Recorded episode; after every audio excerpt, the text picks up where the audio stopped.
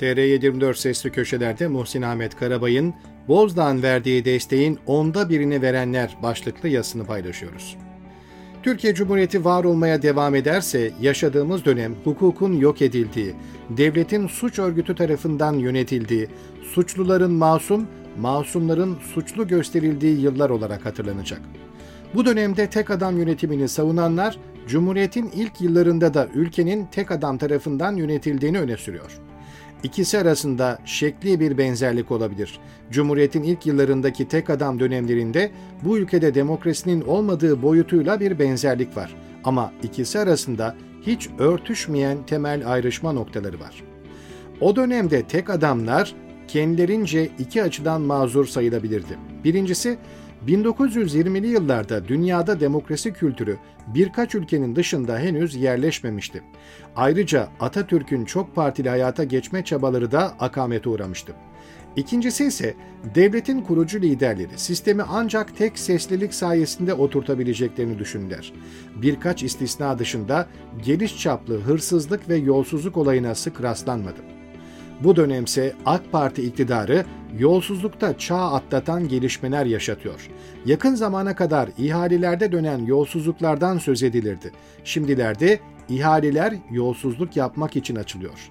Sistem soygun üzerine işliyor.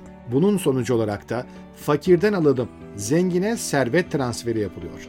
Bütün bu yapılanlar din ve milliyetçilik kılıflarıyla topluma kolaylıkla satılıyor.'' Gülen cemaati toplumun her kesiminde büyümeye başladıktan sonra en çok ikbal peşinde olanların ilgisini çekti.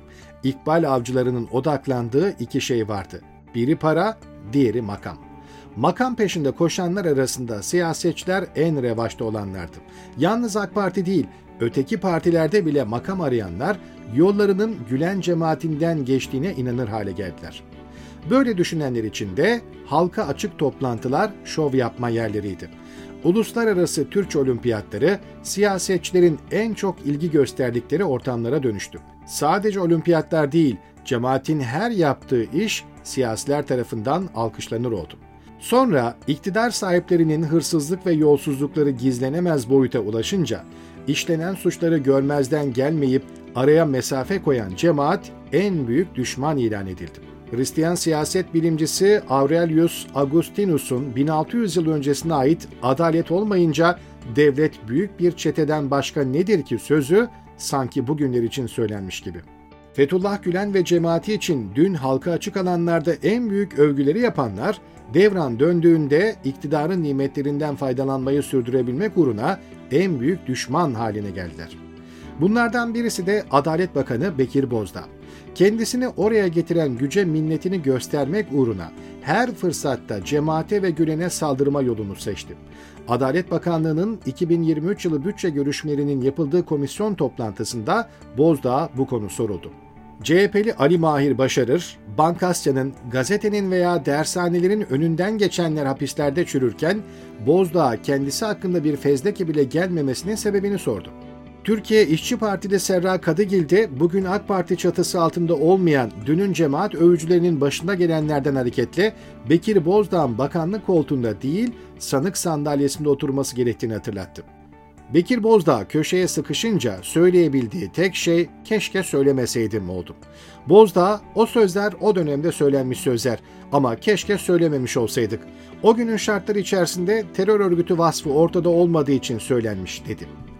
Oysa Bozdağ bütçe komisyonundaki konuşmasında da doğruları söylemiyordu. Bugün söylediklerini yalanlayan her şey arşiv kayıtlarında mevcut. Bakan Bozdağ kendisinin övgüler yağdırdığı dönemde cemaatin terör vasfı yoktu savunmasına sığınıyor. Burada sorulması gereken asıl soru şu. Sizin için geçerli olan en temel hukuk kuralı başkaları için geçerli değil mi? Bozdağ'ın o dönemde verdiği desteğin yüzde birini vermemiş olanlar yıllardır terörist yaftasıyla hapiste. Bizler terörist, sense Adalet Bakanısın, öyle mi?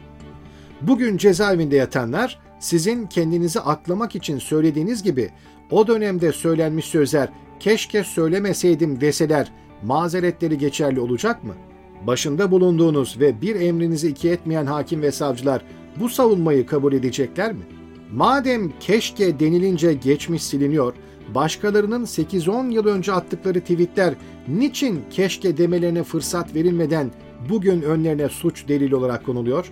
Sizin gibi o dönemde söylenmiş sözler keşke söylemeseydim deme fırsatı bulamayan yüzlerce kişi Meriç'te ya da Ege'nin sularında boğulup gitti. Kaç kişi cezaevinde tedavisi yapılmadığı için dört duvar arasında can verdi. Aslında hepsinin cevabı Tayyip Erdoğan'ın yıllar önce verdiği talimatta gizli. Bu talimatın ne olduğunu Deva Partisi Genel Başkanı Ali Babacan ifşa etti. Erdoğan 15 Temmuz'dan sonra iki tane talimat verdi. Kurunun yanında yaşı da yakın dedi. Acımayın, acınacak hale düşersiniz dedi. Cemaate yönelik kininiz sizin hırsızlığınızı, soykırım suçlusu olduğunuzu bütün dünyaya göstermelerinden kaynaklanıyor. Sizleri yargılamayanın çete devlet sistemi olduğu ortaya çıktığında bakalım nereye nasıl sığınacaksınız?''